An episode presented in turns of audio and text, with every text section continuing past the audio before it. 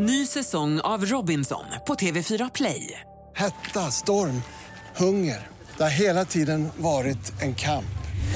Nu är det blod och tårar. Fan händer just nu. Det. är Detta är inte okej. Robinson 2024, nu fucking kör vi! Streama söndag på TV4 Play. Hej, det är jag som är Lotta Bromé och det här är ett inslag från Halv tre med Lotta Bromé på Mix Megapol. Hur räddar du för klimathotet? Jag försöker nog inte vara så rädd eller ha så mycket ångest för någonting alls utan verkligen plotta ner vad kan man göra? Vad kan jag som privatperson göra, medmänniska göra? Vad kan jag som makthavare, beslutsfattare vara med och påverka? Men det är på riktigt, det är ett stort hot med klimatförändringarna. Det är en stor fråga som därför också kräver mycket, mycket större svar än vad jag ibland tycker att vi ger det. Du har ju två småbarn, hur pratar du med dem om klimatet? Det blir ju på något vis tycker jag mycket lättare med barn därför att då kan det bli så otroligt konkret och det är ju som de ju också har fått med sig det här mantrat skräp i naturen är inte bra för djuren.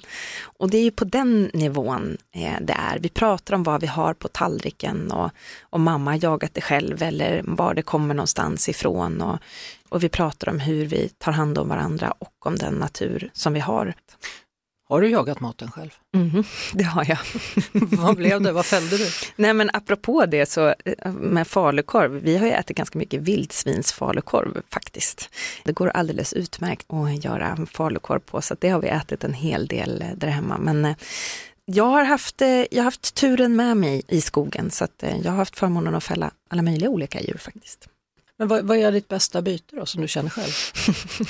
Men jag har ju fått lära mig så här, god jaktetik som ju faktiskt är att man inte skryter om vad man har skjutit. Nej men du, lägg ner. Jo, det, så det, det, är lite, det är lite tråkigt. Om någon skulle fråga dig, häng med mig ner i Afrika och skjut lite djur, vad skulle du säga? Hittills har jag tackat nej. Du, du har Ehm, fått frågan? Mm. Och det har att göra med jag vet inte, jag känner mig väldigt bekväm med den svenska jakten och jag har respekt för det sättet som den svenska jakten bedrivs på. Men jag, jag själv är inte intresserad av troféjakt alls faktiskt. Ibland slår du mig som, och där är ingen kritik, du får rätta mig om jag har fel, ibland slår du mig som en vinnartyp, du tycker om att vinna. Jo, det gör jag, men jag, jag själv går inte runt och tänker på mig själv som att jag är en vinnarskalle. Jag skulle säga att jag är, eh, jag är en fighter. Och när jag är riktigt övertygad om någonting, då kan jag gå igenom eld och vatten alltså. Och jag har mm, slagit ganska mycket i mitt liv. Eh, Så på det viset så är jag, jag är ganska stryktålig och när jag väl har bestämt mig då, då kan jag vara otroligt uthållig. Vad sa du nu? Du sa att jag har slagits rätt mycket i livet, sa du så? Mm. Slagits med vad? Det har varit allt möjligt. Det har ju både varit, ehm, som alla människor har väl sina kamper på, på olika sätt, men ehm, det är klart att min uppväxt har präglats ganska mycket av att jag växte upp med en mamma som blev sjukskriven i flera omgångar och ehm, sen också var borta i två och ett halvt år, precis när jag blev tonåring. Jag själv har ehm, brakade lite grann i sista året på gymnasiet. Jag var tvungen att gå på antidepressiva under en period. Ja, vad var det som hade, vad hade hänt? Det var egentligen en kombination av saker. Dels så tror jag att eh, jag menar, ton, tonårstiden och när man letar efter sig själv och saker och ting förändras och man ska liksom plugga ur föräldrakontakten och hitta sin egen liksom, direkta kontakt in i vuxenvärlden. Den kan ju vara tuff för många. Och jag gick också på gymnasieskola, gick en internationell utbildningsprogram som hade väldigt ja, men, högt ställda krav. Man skulle tenta av alla tre åren sista terminen. Jag fick mitt hjärta krossat för första gången. Det var en ganska brutal upplevelse. På vilket sätt? Ja, men jag blev dumpad helt enkelt. Och eh, var, hade aldrig liksom varit nära de känslorna eh, förut och hamnade väl i en plats där det var mycket tryck utifrån och så sitter man med ett, ett sår eh, som inte får tid att läka. Och eh, då, min mamma var väldigt bra då och sa att, eh, för jag var väldigt rädd för att ta emot hjälp. Eh, men då sa hon det att ja, men, du får se de här tabletterna som, ja, men, som ett, lite grann som ett plåster, som ett bandage, fast på själen istället och på hjärtat. Och då tog jag emot den medicinska hjälpen. Mm. Tog du tabletter i kombination då med terapi eller hur? Ja. Ja. Men framförallt också försöka sänka kraven i allting. Jag har inte särskilt bra gymnasiebetyg. Ibland när det står i tidningen om vad politikerna har fått på högskoleprov och gymnasie och sådär så är det en del som bara haha, kolla vad dåligt det har gått för henne. Och så tänker jag det där är några av de där finaste siffrorna jag har.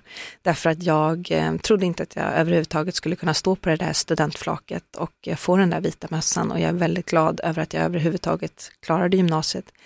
Och försöker se det som en lärdom också i att hur man mår idag, hur livet är idag säger ingenting om var man hamnar sen.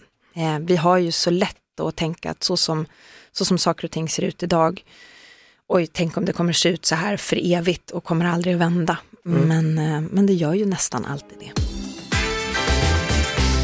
Din skilsmässa, Mm. hur, var den? Ja, Apropå få hjärtan krossade.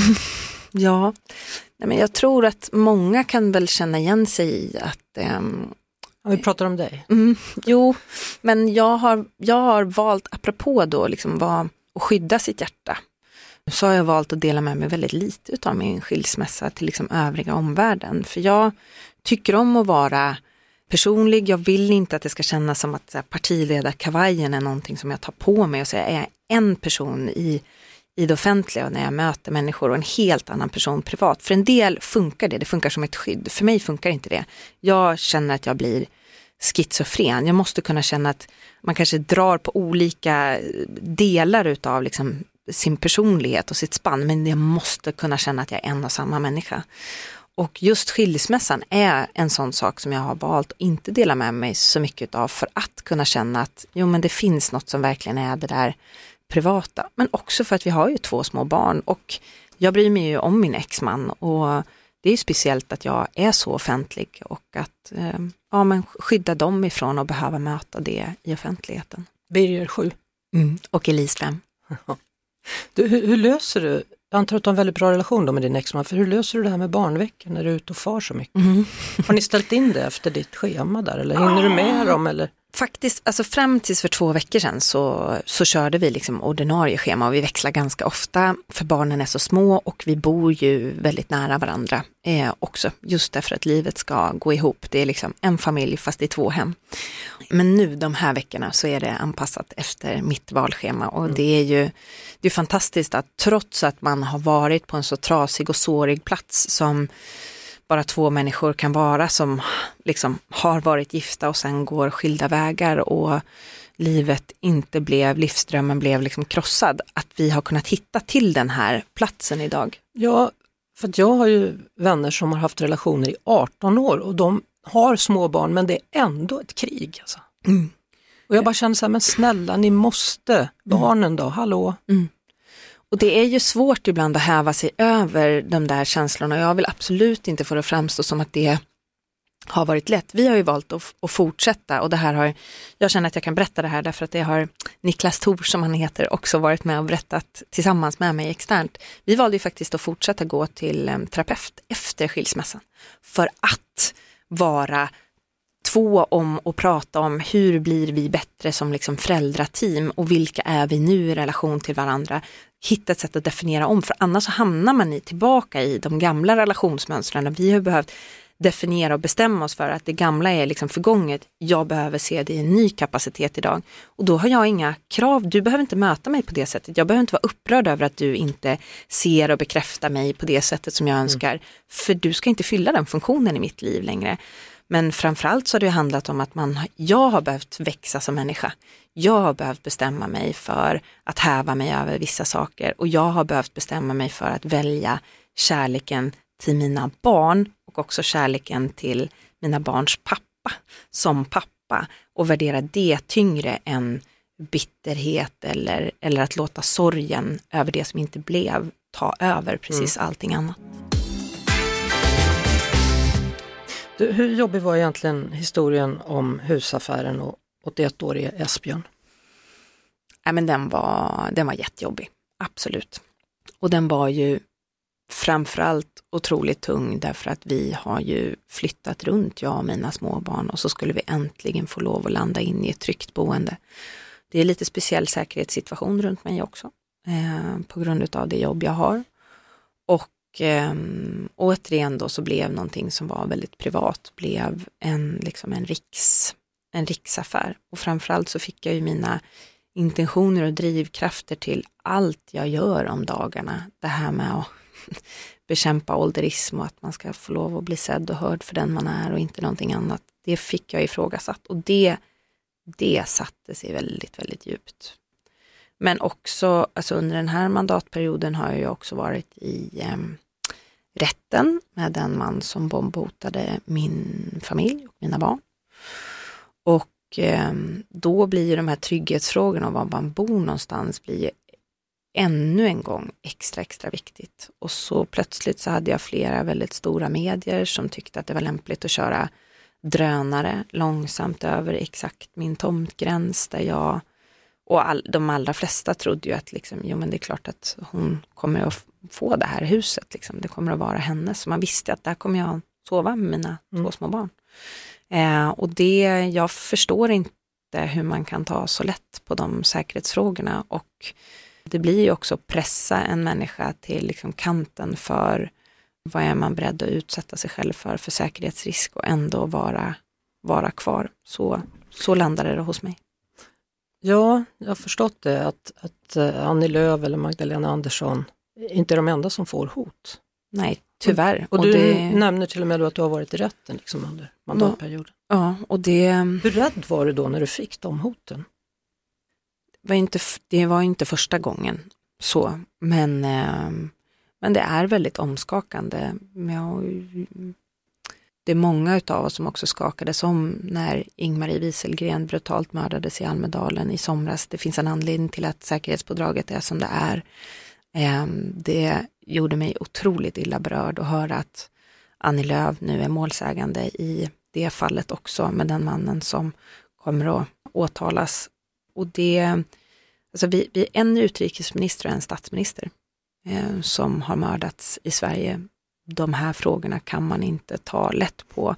Och att stå upp för den grundläggande tryggheten för alla våra folkvalda är verkligen en viktig demokratifråga oavsett vad man liksom tycker om Magdalena Anderssons politik eller inte.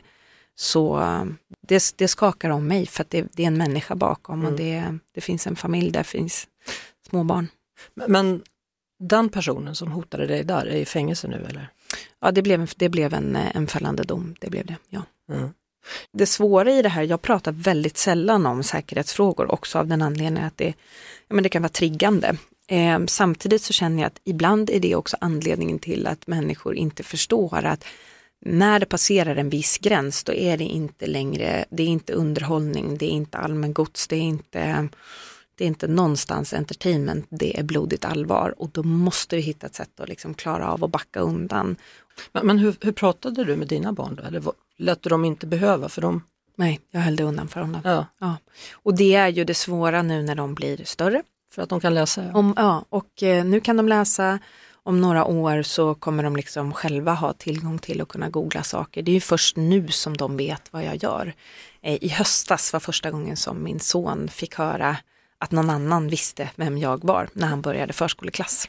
Hur gick det till? Vad hände? Ja, men det var en äldre pojke i, eh, i årskurs två som informerade honom om att hans mamma var citat megakänd. Megakänd? megakänd och då sa jag det att ja, men jag är inte lika känd som Teos, det är liksom en annan typ av känd som jag eh, är. Och då så sa jag det att ja, men mest är jag ju din mamma. Ja, såklart, det vet jag ju. Tack så mycket för att du kom hit, Ebba Busch, Kristdemokraterna. Tack så mycket. Vi hörs såklart på Mix Megapol varje eftermiddag vid halv tre. Ett poddtips från Podplay.